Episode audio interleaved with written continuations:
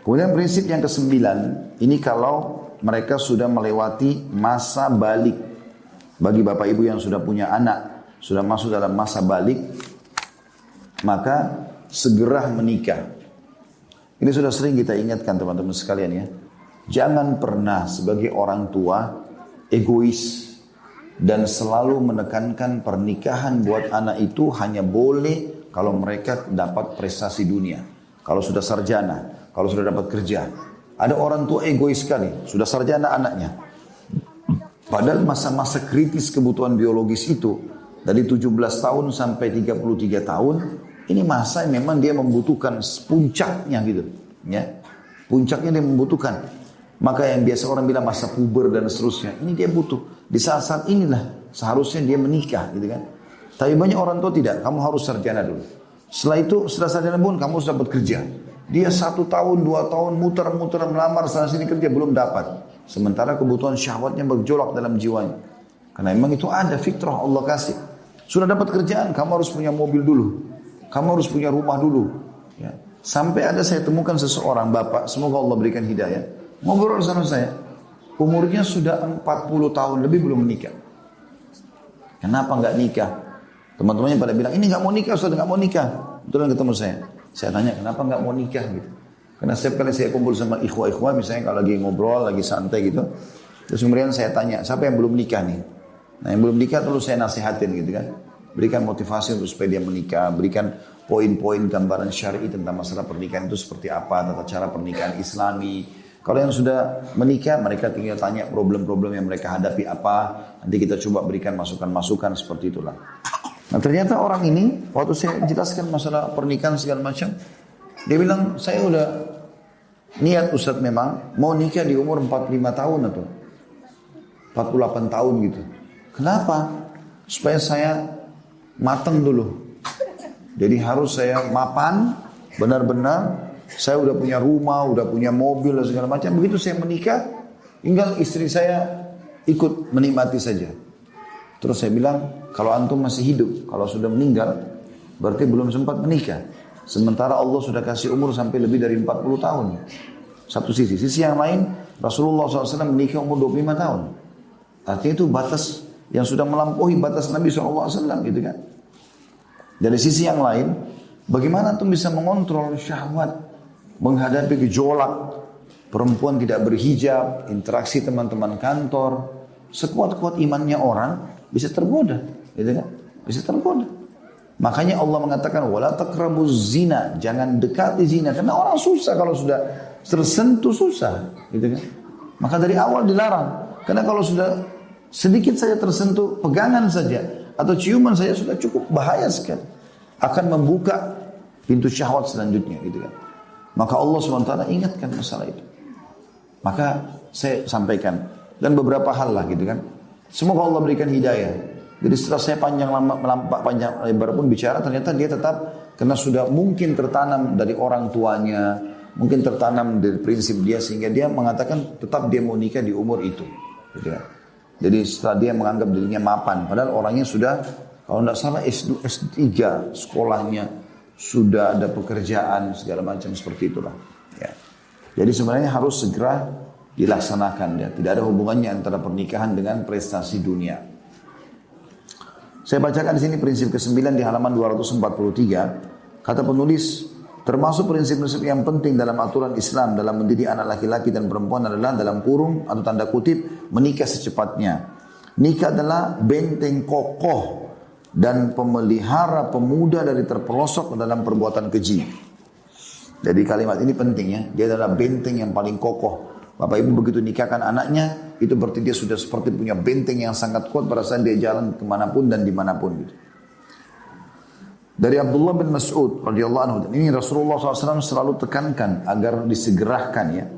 Dari Abdullah bin Mas'ud radhiyallahu dia berkata Rasulullah SAW telah bersabda kepada kami ya ma'syar syabab man istata' minkumul ba'a falyatazawwaj fa inna aghaddu lil basar wa ahsanu lil farj fa alayhi bis saum fa innahu lahu wija Wahai sekalian anak muda, wahai sekalian para pemuda, barang siapa di antara kalian mampu menikah maka menikahlah. Karena demikian itu lebih menundukkan pandangan dan juga lebih menjaga kemaluan Barang siapa yang tidak mampu menikah atau belum mampu, maka hendaklah dia berpuasa sebab hal itu menjadi penekan hawa nafsunya. Pernikahan dini kata beliau adalah tabiat kehidupan yang sejalan dengan fitrah dan serasi dengan hukum alam dan kebutuhan manusia. Karenanya menundanya menyelisih fitrah dan tidak boleh dilakukan kecuali bila ada suatu keperluan atau karena darurat hingga dia bisa dimaafkan. Jadi artinya sebenarnya menikah cepat itu bagian daripada fitrah, gitu kan. Bagian daripada fitrah. Saya temukan banyak orang-orang tua kita yang sudah jadi status kakek misalnya Masya Allah jalan. Jadi dia sama anaknya seperti saudara. Sama cucunya seperti sama anaknya gitu kan. Nanti bahasa-bahasa mereka, saya dulu nikah cepat Ustaz, saya nikah muda Ustaz. Kan bagus, nggak ada sesuatu yang masalah. Bahkan dia sangat akrab dengan anaknya, sangat akrab dengan cucunya gitu kan. Dibandingkan orang menikah sudah tua juga ada pengaruhnya ya. Kekuatan fisik sudah bukan lagi seperti pada saat muda, ya uh, mata, segala macam hal lah. Ya, mungkin sudah bukan lagi masanya kayak orang yang sudah jadi kakek, sudah lemas, umurnya sudah berumur atau umurnya sudah tua, kemudian dia baru punya anak, anaknya kecil mau bermain, berlari-lari, sudah nggak bisa dia gitu kan. Maka di masa-masa muda ini masa efektif untuk itu. Apalagi memang gejolak syahwat gangguan syaitan di masa muda. Ya, di masa muda. Jadi orang melakukan perzinahan, pelanggaran ini di masa mudanya. Jadi kan bagaimana bisa dia selamatkan diri dari itu. Dalil-dalil syara atau syariat telah menjelaskan masalah ini dan mengokohkannya. Di antaranya hadis ini. Karena menik karena nikah ini karena nikah itu wajib berdasarkan nas hadis atau isi daripada hadis. Eh, nas hadis tersebut bagi orang yang mampu dan siap. Saya ulangi, dari dari syarat telah menjelaskan masalah ini dan mengokohkannya di antara di antaranya hadis ini. Tadi yang maksudnya hai anak muda, Siapa yang bisa menikah maka menikahlah. Dan seterusnya. Karena nikah itu wajib berdasarkan nas hadis uh, tersebut. Ya maksudnya isi hadis tersebut bagi orang yang mampu dan siap. Dan sunnah-sunnah syariah ya, sebenarnya adalah sunnah-sunnah fitrah. Karena memang ajaran Islam sesuai fitrah dan tidak berlawanan dengannya. Jadi saya sudah pernah jelaskan makna ba'a dulu panjang lebar ya. Khilaf di antara ulama. Ada yang mengatakan ba'a itu kemampuan materi, ada yang mengatakan kemampuan fisik. Tapi pendapat yang paling kuat adalah kemampuan siap untuk menjadi suami. Jadi kata dia menikah lalu kemudian dia membiayai istrinya mulai hari itu dan dia punya kewajiban per hari. Kalau besok dia meninggal sudah gugur kewajibannya. Dan seorang wanita sudah siap menampung sperma suaminya, lalu kemudian dia hamil, dia juga bisa mengurus anaknya. Sudah dianggap ba'a, berapapun umurnya. Walau masih 16 tahun, 17 tahun, kalau dia dianggap sudah mampu selesai, dia menikah. Itu makna yang paling dekat dengan al-ba'a. Kata beliau, nikah adalah benteng bagi pemuda, apalagi nikah dini, segera. Jelas memiliki kebaikan yang banyak, meski di zaman kita ini ada beberapa penghambat, seperti mahalnya beban nikah, penanggungan para wali perempuan, penangguhan para wali wali perempuan bila maharnya kecil, kesulitan tempat tinggal, naiknya harga-harga, dan banyaknya pengangguran, sehingga sulit mendapatkan pekerjaan yang sesuai yang bisa menghasilkan pendapatan yang pantas untuk menjaga keluarga dan menjaga penghidupannya dengan baik. Oleh karena itu, kami nasihati para orang tua agar mempermudah dan meringankan mahar-mahar putrinya karena wanita yang paling sedikit maharnya adalah wanita yang paling banyak berkahnya. Sudah kita sudah sebutkan hadis itu ya. Jadi jangan pernah Bapak Ibu sekalian, semoga Allah berikan hidayah kalau yang masih melakukannya, itu menjadikan anak perempuan sebagai ajang bisnis. Ya, siapa yang mau lamar boleh, tapi 100 juta, tapi 200 juta, tapi sekian miliar. Ini ngawur ini, gitu kan.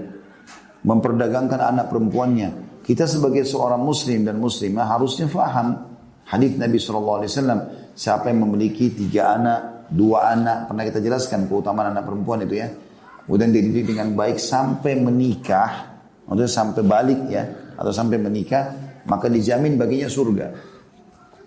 Tugas kita, status kita sebagai orang tua menjaganya sampai dia menikah. Setelah dia menikah, serahkan kepada suaminya. Jadi jangan malah diperdagangkan. Makin cepat kita lepas, makin bagus. Kami tahu ulama-ulama, guru-guru kami di Saudi, itu kalau punya anak perempuan tidak pernah ditunda. Ya, umurnya tidak pernah lebih dari 20 tahun sudah dinikahkan semuanya. Gitu kan.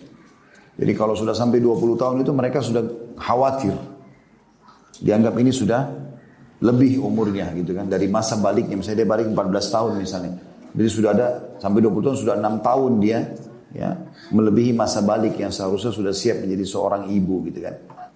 Tentu ini tergantung daripada pendidikan juga orang tua ya. Orang tua selalu menganggap anaknya kecil tidak mendidiknya maka jadi anak-anak selamanya gitu. Tapi bagaimana dia mendidiknya supaya bisa jadi dewasa dan siap untuk itu. Saya juga sarankan ini saran saya saja bagi ibu-ibu.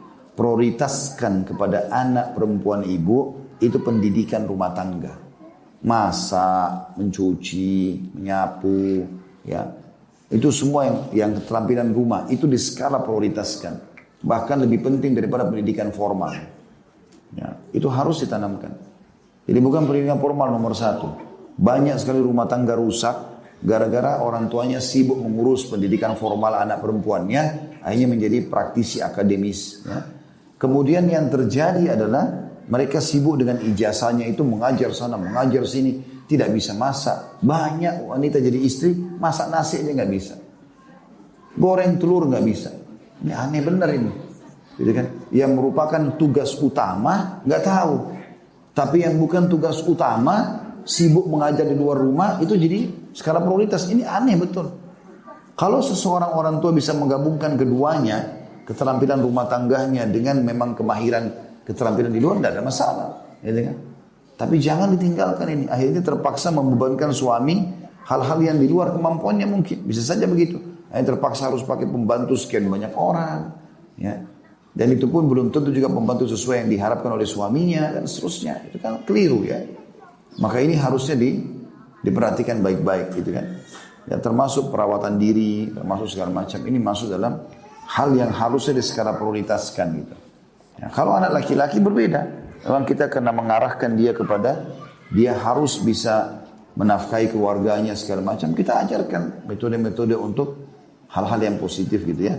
Saya melihat bagaimana dulu ayah saya berdagang, maka dari kecil saya tertanam itu, oh orang ternyata harus dagang ya gitu. Saya waktu masih sekolah saja, masih sekolah, masih masih kuliah di Madinah itu saya sudah berpikir untuk bagaimana berdagang gitu. Ya, kadang-kadang saya pulang liburan waktu dari Madinah dulu, saya pergi ke Tanah Abang di sini, kemudian saya beli baju kaos, sekian lusin gitu. Saya sablonin, sablonin juga harganya murah, label sekolah. Kemudian saya pulang ke kampus, saya jual kepada teman-teman. Dan mereka beli, dipakai olahraga, dipakai segala macam. Saya bukan menilai uang yang saya dapatkan karena tidak seberapa. Tetapi saya punya jiwa pada saat itu, oh ternyata wirausaha ini penting, bagus. Kita juga gembira kalau punya hasil sendiri. Itu tertanamkan sebagai seorang laki-laki. Alhamdulillah terbawa sampai sekarang. Saya tidak pernah berpikir untuk menggantungkan diri saya pada pendapatan ceramah misalnya. Bagi saya, saya harus punya usaha. Dan saya coba kembangkan dan Alhamdulillah berhasil, bukan tidak berhasil. Sehingga ada perasaan punya tanggung jawab untuk mempunyai pendapatan. Itu bagi anak laki-laki ya. Bagi anak perempuan tidak terbalik.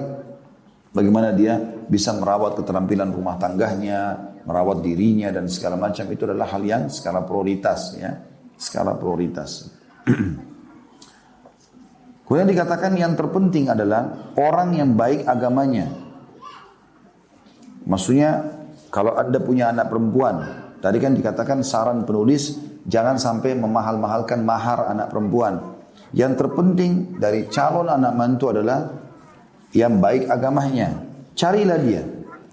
Kata dulu yang terpenting adalah orang yang baik agamanya. Carilah dia.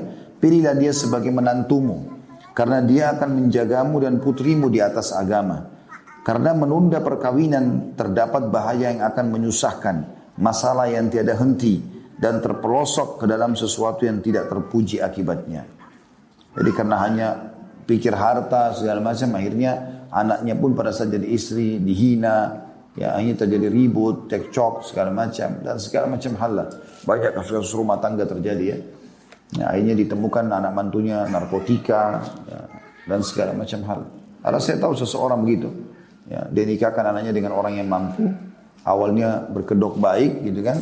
Tapi karena itu, itu yang disorotin, nanti ketahuan orang ini ribut ya, dengan istrinya dan kebongkar dia adalah orang yang mengkonsumsi narkotika dan sudah susah untuk meninggalkan. Gitu kan. Pernikahan dini, kata beliau memiliki banyak kebaikan dan keistimewaan. Di antaranya menjaga dan memelihara anak-anakmu. Dia juga masih bisa melihat anaknya dan mendidiknya di masa muda dengan pendidikan yang benar. Anakmu melihatmu patut ditiru. Melihatmu sebagai contoh. Dan orang yang patut dituruti. Karenanya anak menjadi seperti bapak baik dalam perilakunya, ketaatannya, ibadahnya, dan keberaniannya. Itulah yang kita hendak capai dengan pernikahan dini. Di samping termasuk sunnah dari sekian sunnah sang pendidik. Nabi Muhammad SAW beliau menikahi Ummul Mu'min Aisyah radhiyallahu anha ketika Aisyah berusia 7 tahun. Diberikan kepada beliau ketika Aisyah berusia 9 tahun. Sedang mainan Aisyah masih bersamanya. Dan Nabi SAW wafat ketika Aisyah berusia 18 tahun. Ini diriwayatkan oleh Imam Bukhari di nomor 3894 15.133, 5.134 dan Imam Muslim nomor 1422. Ya, terlepas daripada orang banyak melemparkan syubhat kalau Nabi Muhammad SAW menikahi Aisyah sangat kecil, umur 7 tahun. Tapi itu contoh dari Nabi. Walaupun Nabi belum menggauli Aisyah. Belum digauli. Digaulinya itu setelah balik. Nah umumnya wanita di Jazirah Arab itu balik di umur 9 tahun. Tergantung wilayah ya. Kayak kita di Indonesia mungkin di garis katulistiwa ini kena cuaca umumnya stabil sepanjang tahun, balik kita lebih telat, mungkin 12 tahun ya. Ini ibu lebih tahu dari saya masalah ini. Tapi wanita-wanita di Jazirah Arab, di Padang Pasir, dan di Afghanistan, di ini umumnya mereka balik lebih cepat. Baik anak laki-laki atau anak perempuan. Anak laki-lakinya itu kalau Bapak Ibu lihat orang-orang Afghanistan, itu umur-umur 17-18 tahun jenggotnya sudah panjang sekali gitu 15 tahun, 16 tahun itu sudah Harapannya kita berpikir umurnya sudah 22 tahun, 23 tahun. Gitu. Mereka lebih cepat dewasa, postur tubuhnya juga lebih besar karena cuaca gitu. Nah, Aisyah radhiyallahu anha dinikahi oleh Nabi SAW. Abu Bakar ingin anaknya selamat. Maka mohon kepada Nabi SAW agar menikahi Aisyah. Maka Aisyah pun dinikahi, tapi belum digauli. Setelah balik umur 9 tahun barulah Nabi SAW menggaulinya. Dan tinggal bersama Nabi SAW dari umur 9 tahun itu sampai umur 18 tahun. Kurang lebih 9 tahun bersama Nabi SAW. Pada saat Nabi meninggal, Aisyah masih umur 18 tahun. Kalau kita sekarang belum nikah mana 18 tahun itu kan. Tapi dia sudah menjadi ummul mukminin, perawi hadis yang sangat banyak dididik oleh Nabi alaihi wassalam. Dan memang hukumnya kalau ummul mukminin tidak boleh menikah lagi. Dan tidak boleh lagi ada yang menikahi istri-istri Nabi. Karena itu adalah dosa dan tidak dibolehkan. Hukum syariat melarang masalah itu. Tapi Nabi SAW memberikan contoh. Kalau kita boleh menyerahkan anak kita yang masih kecil, dinikahkan kepada orang yang kita anggap layak dan soleh, apalagi dewasa. Dan itu tidak ada yang mengalahkan Nabi SAW. Tentu kita pun kalau hidup di masa itu kita akan tawarkan anak-anak perempuan kita gitu kan. Ya, tapi subhanallah, tidak semua orang mengambil pelajaran dalam masalah ini. Dianggap ini masih anak kecil, ini nggak begini, ini nggak begitu dan seterusnya. Dari Abu Ja'far, dia berkata, Umar radhiyallahu anhu datang melamar putri Ali radhiyallahu anhu. Ali menjawab, dia masih kecil. Lalu dikatakan kepada Umar, dalam kurung kata-kata Ali itu dimaksudkan untuk mencegahnya. Maka Umar berbicara dengan Ali. Ali pun berkata, aku akan kirim dia kepadamu. Bila kamu suka, maka dia jadi istrimu. Lalu Umar pergi dan membuka betisnya. Maka putri Ali pun berkata, lepaskan. Kalau bukan karena kamu ambil mukminin, tentu kamu sudah sudah pukul lehermu. Gitu ya. Alasan Umar bin Khattab radhiyallahu anhu menikahi putri Ali bin Abi Thalib yang masih kecil adalah hadis berikut ini. Dari Ikrimah, Ikrimah seorang tabi'in, dia berkata Umar bin Khattab hendak menikahi Ummu Kalthum, putri Ali bin Abi Thalib, sedang dia masih kecil dan suka main dengan gadis-gadis kecil lainnya. Dia pernah datang kepada sahabat-sahabatnya lalu mereka mendoakan keberkahan baginya. Umar pun berkata, aku menikahinya bukanlah karena semangatku, namun karena aku mendengar Rasulullah SAW bersabda, sesungguhnya segala sebab atau hubungan dan nasab akan terputus pada hari kiamat kecuali sebab dan nasabku. Karena itu aku ingin mempunyai sebab hubungan dan nasab dengan Nabi alaihi salatu. Dan ini disebutkan dalam Sahihul Jami' nomor 4527 dan diriwayatkan oleh Tabaran dalam Kitabul Kabir jilid 3 halaman 44 halaman 45 juga Al-Awsat ini nama buku ya. Sama bukunya Tabarani nomor 6609 Al-Hakim nama orang dalam kitab Mustadraknya jilid 3 halaman 142 jilid 7 halaman 114 Al-Baihaqi jilid 7 halaman 6364 dari Umar Anud atau Barani juga meriwayatkan dalam Al-Kabir jilid 20 halaman 33 dari Ibnu Abbas radhiyallahu anhuma. Artinya semua ini semua buku-buku hadis umumnya meriwayatkan tentang pernikahan Umar dengan Ummu Kalthum anaknya Ali bin Abi Thalib yang masih sangat kecil. Gitu kan? Dan di sini Umar bin Khattab memberikan contoh suri tauladan kalau boleh menikah dengan wanita yang masih kecil, gitu kan? Kalau ada mengatakan itu melanggar HAM segala macam itu hak dia berbicara. Tapi hak kita juga berbicara tentang hukum agama kita. Gak mungkin kita tinggalkan. Nabi SAW menikah dengan Aisyah, Aisyah masih kecil, Umar bin Khattab menikah dengan Ummu Kasum, Ummu Kasum masih kecil. Dan ternyata memang dengan menikahnya dengan laki-laki dewasa dan sudah sempurna seperti ini itu sangat membantu untuk pendidikan anak perempuan tadi. Ya. Bahkan kita pun sebagai orang tuanya mungkin bisa belajar dari orang-orang yang punya ilmu agama yang cukup seperti ini. Al-Hasan Az-Zuhri dan Qatada, maksudnya Hasan Basri, rahimahumullah berkata, dibolehkan bagi bapak-bapak untuk menikahkan anak-anaknya masih kecil Abdul Razak juga berkata pendapat itulah yang kami pegang. Ini semua ulama-ulama dulu ya. Para salafus saleh dari tabi'in. Al-Hasan Basri, Az-Zuhri, kemudian juga Qatada. Dari Taus, Taus juga seorang tabi'in yang masyhur ya. Namanya Zakwan. Taus ini burung merak. Bahasa Arabnya Taus.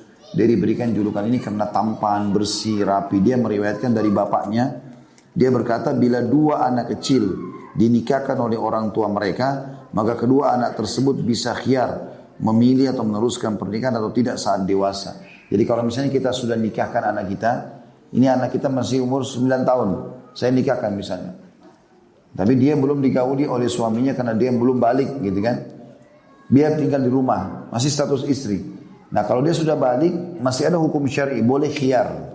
Khiar itu dikatakan, ayah sudah nikahkan kau sama si fulan, Mau lanjutin kau akan jadi istrinya, kalau tidak kamu boleh putuskan. Kalau anak itu mengatakan saya tidak mau maka boleh diceraikan. Karena kan belum digauli.